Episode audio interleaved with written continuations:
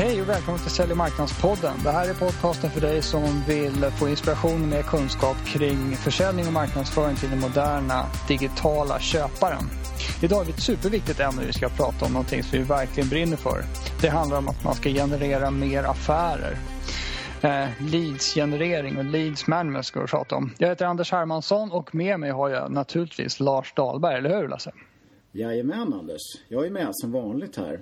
Och det är precis som du säger, det är ett eh, otroligt kärt ämne det här och eh, det är naturligtvis otroligt centralt eh, för oss alla som håller på med, med marknadsföring och försäljning.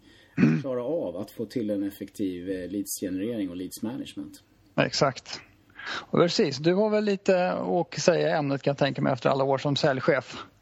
Ja, precis. Så det har hunnit bli ett antal år eh, som man har brottats med de här frågorna. Och jag kan väl säga så här att, att eh, genom åren så har man ju alltid haft väldigt mycket fokus på att, eh, att effektivisera leads management. Och eh, man har ju lagt ner mycket tid och energi och, och, investerat i att försöka få ordning på det och få det till att bli bättre och bättre. Och mm. det har väl gått, eh, tycker jag, eh, eh, sådär. Va? det har mm. blivit bättre i många avseenden.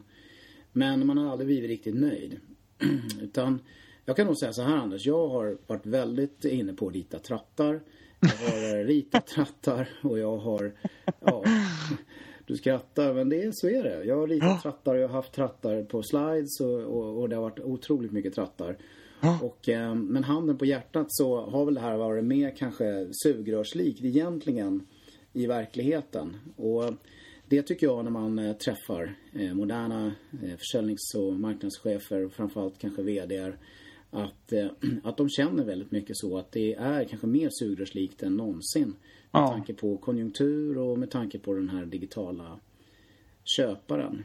Eh, Precis. Affärerna pågår där ute utan att de vet att de finns i deras tratt och så vidare. Det är ett stort problem. Ja, exakt. Och sugröret mm. är ju liksom som det låter. Det är för smalt mm. upp till och eh, det som händer då det är ju att säljarna springer där uppe och försöker trycka in nya saker i, i det här sugröret. Och, och det ja. blir ju allmänt ineffektivt med tanke på säljkostnader och sådana saker. Just det. Eh, sen är det väl också så att sugröret läcker. Eh, det har mm. det ju liksom alltid gjort. Man har ja. aldrig lyckats få till det här, tätat upp det här ordentligt. Utan trappen har liksom varit en, en utopi och är väldigt mycket tycker jag en utopi för väldigt mm. många. Och kanske ett större problem än någonsin. Precis. Man ska ju alltid ha en... Ja. Mm, precis, ja. ja. Man ska ju ha en tre, fyra gånger i pipeline. Eh, i, eh, jämfört med eller tre, fyra gånger budget i pipeline och så vidare. Och det har man ju aldrig när man ska gå in i ett kvartal och tycker att det är för att känna sig riktigt komfortabel. Det är, det är alltid det är så tratten ska se ut på något sätt. Och alla, alla affärerna ska ligga snyggt uppradade i olika säljfaser och sådär. Och, och, så. Och det är ju eh, minst sagt en utmaning att få till. Och det har inte blivit lättare som du var inne på.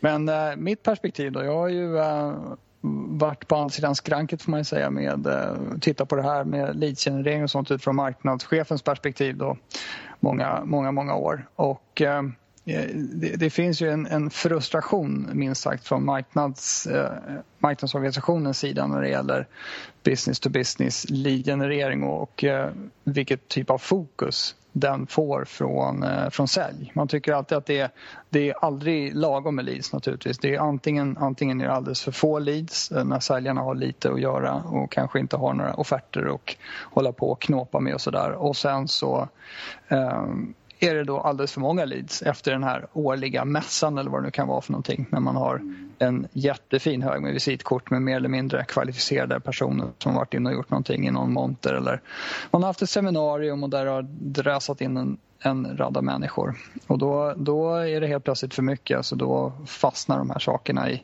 i tratten och sådär. En annan grej som jag har också tyckt liksom det, det är att det liksom, det är leads som leder till fel typ av affärer. Det, det finns liksom ingen samstämmighet mellan sälj och marknad. Marknaden kanske har ett målgruppstänk och man jobbar långsiktigt med att bearbeta en viss målgrupp. Men sen så visar det sig att de leads man då genererar de, de är liksom inte riggade på det sättet att de leder till sådana affärer som säljarna sen är intresserade av att göra. Så de springer i alla fall på andra grejer som de har letat upp själva. Ja, den, här in, den här inneboende liksom konflikten mellan sälj och marknad är ju väldigt intressant. Det är inte så att ja. vi runt och pucklar på varandra men, Men den finns ju väldigt mycket där att man inte sitter i samma båt och marknaden driver sina grejer på sitt sätt och säljer en annan förväntan och, och tvärtom och, och, ingen är riktigt nöjd med vad den ena eller den andra gör. Så. Absolut. Så man kan säga det som summan av kardemumman, det är, som det är svårt att generera rätt leads helt enkelt. Mm. Ja, ja, så är det. Du har väl förslag va? Hur gör man nu då? Ja, precis. Ge oss facit. Ja, precis. Ni som har följt eh, den här podden lite, ni vet ju eh, lite grann om hur vi tänker när vi pratar om leadsgenerering framförallt. Att, att eh, det vi fokuserar oss på här för att göra det effektivt är att hjälpa den här moderna digitala köparen som ju vill driva en väldigt stor del av sin eh, köpprocess via digitala kanaler. Mm. Och eh, eh, vi försöker ju jobba med att skapa olika typer av information eller content för att stötta en, en digital köpresa så effektivt som möjligt. Och då handlar det mycket om att man publicerar content som är relevant för köparen och hjälper dem på en köpresa istället för att prata om sina förträffligheter. Mm. Och eh, försöker få dem att komma till våran digitala, eh, digitala värld och på så sätt liksom engagera dem väldigt tidigt så att säga i den här eh, köpprocessen. Eh, Precis. Och, och, och, till slut då naturligtvis få dem att eh, tillkänna, ge sig till känna så att vi kan liksom börja ta hand om dem och hjälpa ja. Ja. Inspirera till eh, nya tankar hos köparna och när de väl har börjat tänka så gäller det att vi är där och kan hjälpa dem vidare på vägen så att säga. Det är väl där jag, själva leads management-biten kommer in Anders, eller hur? Exakt. Jag, jag, jag brukar ju ofta prata om det här med marknadsföring lead som en volymgrej. Alltså det, det, det behövs en stor, en stor kvantitet av eh, trådar att dra i. Många små leads på gång helt enkelt. Och om man ska klara av att hantera den här volymen då måste man ju automatisera det här jobbet och, och försöka hålla nere kontaktkostnaden. För att om man, om man liksom drar på för mycket med, med dyra kontaktmetoder för tidigt eh, då får man en jäkligt dålig effektivitet helt enkelt i hela leadgenereringsprocessen.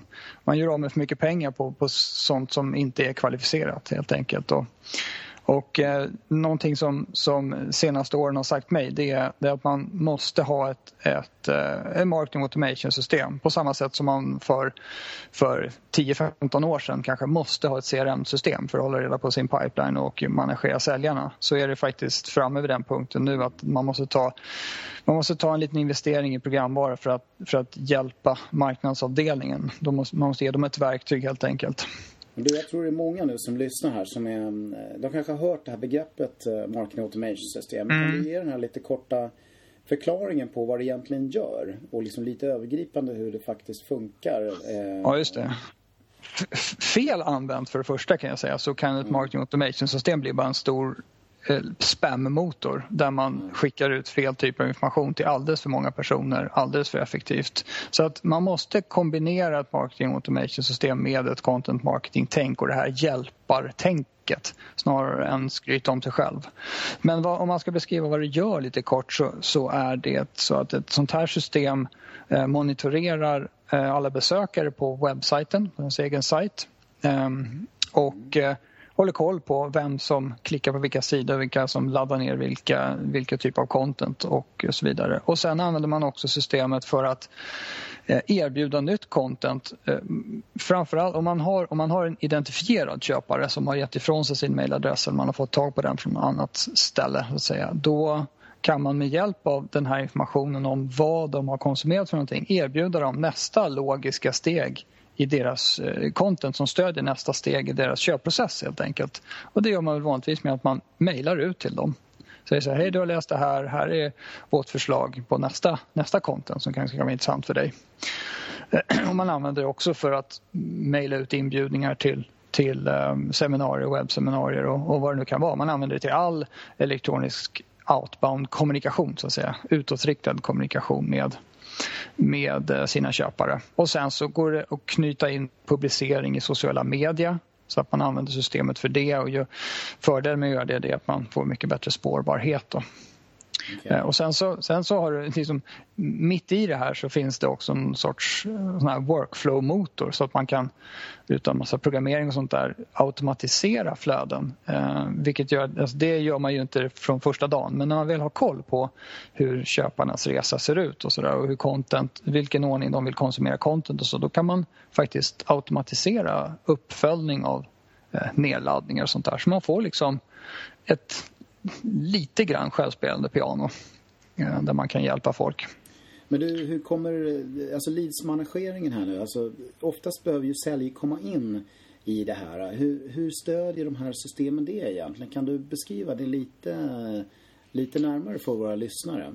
menar, du, menar du kopplingar till CRM och sådär eller hur? Ja, eller hur man tänker överlag när man kopplar in sälj och sen att det, det här behöver integreras med ett CRM-system. Det, det är ju naturligtvis väldigt bra, så att säga. Mm. Det förstår man ju. Just det. Eh, men, men, hur vet man och hur, hur, går det till och hur, tänker man där i den här liksom, överlämningen eller inkopplingen av sälj? Ja, just det. det, det sådana här system, eftersom de, eh, eftersom de eh, är så bra på att monitorera och, och spara undan historik kring köparnas beteende så får man ju i överlämningen av leads till säljarna så får ju de mycket, mycket mer värdefull information än bara ett visitkort från en burk på en mässa. Eh, så det, det är ju viktigt. Och sen för att man ska veta när man ska lämna över ett lead till en säljare. Det är normalt så här, det klassiska marknadsgrejen det är att det säger pling i en postlåda eller någonting. Någon har reagerat på någonting. Då kommer marknaden glada i hågen springande med det här leadet till säljare och säger titta vi har fått ett lead här. Och säljer är lagom intresserade för de vet att det är högt och lågt. Det kan vara hett men det kan också vara stenkallt. Liksom. Men när man använder den här typen av process då har, då har man haft liksom en fyra, fem, sex interaktioner med den, här, med den här kunden. Och de här systemen, inte nog med att de trackar allting som händer, klick i e-mail och sådana saker, utan de har ju också en lead scoring funktion som gör att varje lead får poäng baserat på hur mycket de engagerar sig i det content som man skickar ut och föreslår till dem. Så då sätter man en tröskel och säger att när, när ett lead har uppnått 50 poäng till exempel, de har tittat på en webbsida och laddat ner white papers och sånt där och fått 50 poäng, då är det dags att lämna över det här till sälj. För då, är, då är, känner vi att det här leadet har engagerat sig så pass mycket i vårat content så det är högst troligt att det är en köpprocess på gång där ute. Eh, så det är, liksom, det är själva grundbulten. Ja, jag har en, en annan eh, egen erfarenhet här nu från en hel del olika projekt. Något som mm. är väldigt värdefullt också det är ju att, att om, man har, om man har koll på var någonstans eh, contentet man har skapat befinner sig på en köpresa så kan man mm. också se till att, att koppla in sälj när man ser att köparen konsumerar content och information som ligger långt ner i en köpprocess. Det vill säga mm förmodligen då rätt nära eh, när man behöver koppla in sälj och ta en mm. fysisk eh, kontakt och, och jobba tillsammans liksom, i den fysiska verkligheten för att det här ska bli en affär för båda parter. Som mm. det ofta är frågan om ändå i business to business sammanhang. Just det, precis. Det är en klassiker att man har mm. kanske någon, någon sorts trigger, någon alert på prissidan. Så när någon är inne på den och jämför priser och så vidare då det är en, det är en väldigt stark köpsignal. Då, så då, du, en, en grej jag tänkte du kunde kanske beskriva lite närmare som jag vet att, eh, att det brukar vara mycket frågor kring. Det är det här med, med den här trackingen. Eh, mm. Du nämnde ju det lite grann att man trackar på webben och så vidare. Men kan du mm. fördjupa det lite så att, så att lyssnarna förstår lite mer om, om det och vad är det man trackar och liksom hur funkar det där lite grann? Ja, det funkar. Alltså, när vi är ute och surfar på nätet så, så varenda sajt som vi går in på så får man en cookie en eller flera cookies. Och eh, det är, en liten, det är en liten fil helt enkelt som gör att nästa gång du kommer dit så, så skickas den här cookien till, eh, läses av av webbservern och det gör att, att man ser att det här är en återkommande person med en viss, eh, viss identitet. Det ligger sällan någon, någon eh, så att säga, avkodningsbar identitetsinformation i de här cookies men, men det är någon form av nummer som identitet som man kan koppla till då mm. den här personen i marketing automation-systemet. Så när man, när man väl har fått den här cookien så börjar liksom en beteendehistorik att fyllas på i det här systemet. Och eh, sen så om man kopplar också det här till till en e-mailadress så kan man ju då använda den här informationen för att eh, automatiskt enligt regler eller också manuellt så att säga, skicka ut e-mail med vettigt relevant content till de här. Då, då. Så man talar ju helt enkelt om att man kommer att tracka folk och det, det gör man via sådana här cookie policies så att det framgår på sajten. Eh, ja, precis. Regler man har, ja. Och, och det är ju till och med EU Ja, det är EU-regler till och med att man ska vara tydlig med att man använder cookies på sin sajt. Och det är lite olika tillämpningar av det där. Vissa sajter de har en pop-up där det står att vi använder cookies så får man godkänna det. Och andra nöjer sig med att informera om att man kör med cookies. Så Du, jag tror någonting vi skulle börja prata lite mer om som är väldigt intressant när man jobbar med den här tekniken. Det är ju det här med, med mätning. Eh, mm. Alltså erfarenheten här nu det är ju det att man, man kan ju verkligen mäta allting. Både hur liksom content fungerar och, och, och vad som eh, blir relevant där och, och, och, hur det går till. Men man kan ju också mäta själva processen väldigt eh, väl. Eh, från liksom det att man fångar in dem tills det att man liksom kan driva det ner till hela vägen ända till en affär. Och framförallt om man integrerar med CRM. Ja, precis. Eh, och däremot så är det väl som så att man behöver kanske inte doktorera i allt detta eh, till att börja med. Eh, utan man får ganska snabbt väldigt mycket värdefull information. Men att man sen på sikt kan göra väldigt avancerade saker kring det här. eller hur? Det finns ju en del runt det här med BI och sånt som, som kan mm. komma in och bli intressant. Mm, jo, men det, det, är ju en, en väldigt bra grej med den här typen av mätning och tracking som man håller på med. Det är att man kan ju direkt agera på så vi kan sätta upp en regel att alla som går in på den här webbsidan och laddar ner det här typen av content de får efter en dag ett mejl från ansvarig säljare där säljaren frågar om, någon, om det här var intressant och om man ska göra någonting mer. Eh, liksom, om man kan bjuda på lite mer content eller ta ett möte eller något sånt där. Så det, det, går ju direkt att agera på, på ett väldigt taktiskt effektivt sätt utifrån informationen. Sen som du säger också så kan man ju med fördel då eh, om man har en kanske lite större organisation knyta ihop den här informationen, alltså beteende på webben med eh, köphistorik och sådana saker för att se, försöka hitta mönster där och bli smartare på, på ett högre plan så att säga. Och göra en, mer, en tyngre analys där då. Det är verkligen någonting som, som tilltalar eh, mig otroligt mycket och som, som jag vet också är, är väldigt intressant eh, för många eh, VD och försäljningschefer som ansvarar för den här typen av eh, leads management-process är just mm. mätbarheten. Att man behöver inte sitta och gissa så mycket längre om vad som funkar och inte funkar och vad som är effektivt och inte effektivt. Man behöver inte vara orolig för att man tappar bort grejer på vägen och framförallt inte i den här kritiska överlämningen när sälj kommer in utan där, där blir det liksom tätt. Eh, i Precis. kan man säga i, i den här moderna tratten och det är ju ja. otroligt mycket eh, vunnet med det här. Ja, precis. Det... Och, och, det, är också, det finns också en annan fördel liksom i merförsäljningssammanhang. Nu pratar vi rätt mycket om leadgenerering som att det är hela tiden nya affärer. Men, men man har ju också rätt bra koll på den existerande kundbasen, vad de gör. Om de råkar ramla in på sajten eller eh, triggas på någon e-mailutskick som man gör, nyhetsbrev eller inbjudan och sådana saker, så har säljarna koll på det också. Så att man, har, man får ju bättre koll på sin kundbas än man har haft tidigare också. Så. Det låter liksom som en lång så här, säljharang för marketing automation här men det är verkligen, jag kände ju det när, när jag implementerade det här första gången eh, så, så var det ju verkligen ett så otroligt stort lyft alltså att få ett IT-stöd för alla de här grejerna för att de CRM-system som finns, som finns där ute de, är inte, de erbjuder extremt torftigt stöd för marknadsföring jämfört med de här systemen. Så är det. Mm. Så det är hela den här leads-genererande, eh, leads-managerande digitala mm. processen mm. så att säga som man, som man får ett väldigt bra stöd för. Och Exakt. kopplar man ihop det med CRM så, så får man en bra helhet. Ja, precis. Precis. Men du, eh, du pratade om det här med system och eh, att du fick en aha-upplevelse när du började jobba med de här grejerna. Men, men är det mm. verkligen bara en systemfråga då eller?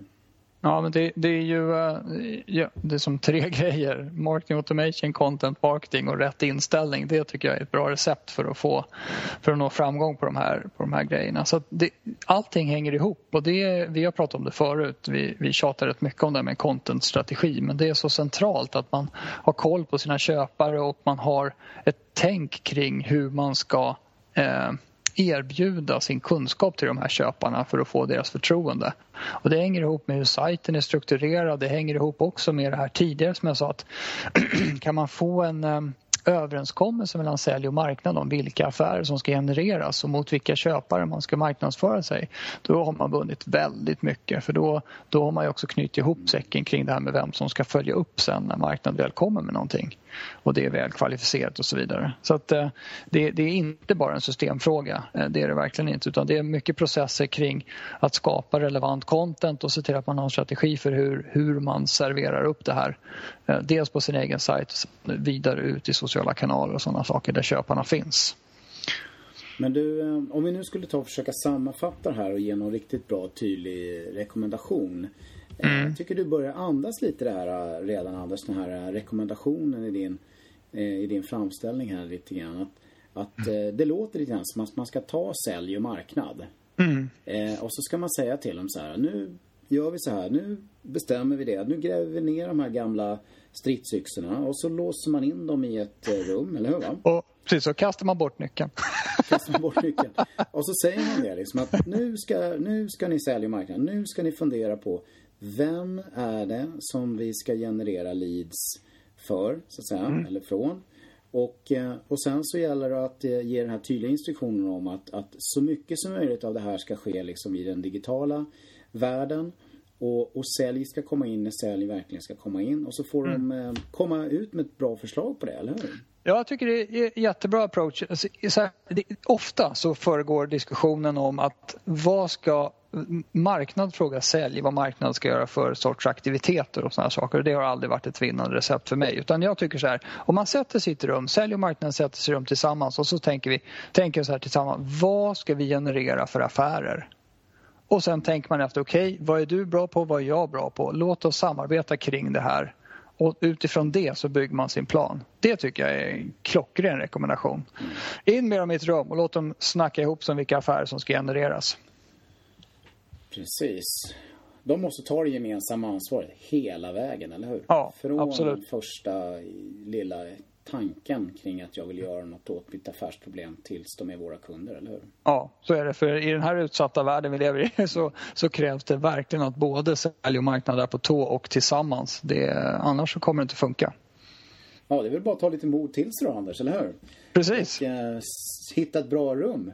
Ja, eh, exakt. Med nyckel, eller hur? Bra med ett låsbart, låsbart rum och så in med lite godis och grejer där så de håller sig vakna. Ja, ja. ja det låter väl som en bra idé, eller? Ja, det tycker jag. Toppen. Bra, men äh, ska vi önska alla lycka till då, då? Sen så hörs vi i nästa avsnitt av vår lilla podcast. Precis. Får vi sälja Bra. provfötter, eller hur? Så ja. kan uh, få ut säljmarknad så de kan göra lite nytta i verkligheten också. Exakt. Bra, och så får vi avsluta med det vi alltid avslutar med att uh, var relevanta där ute så kommer det gå bra. Ja, precis. Tack ska ni ha.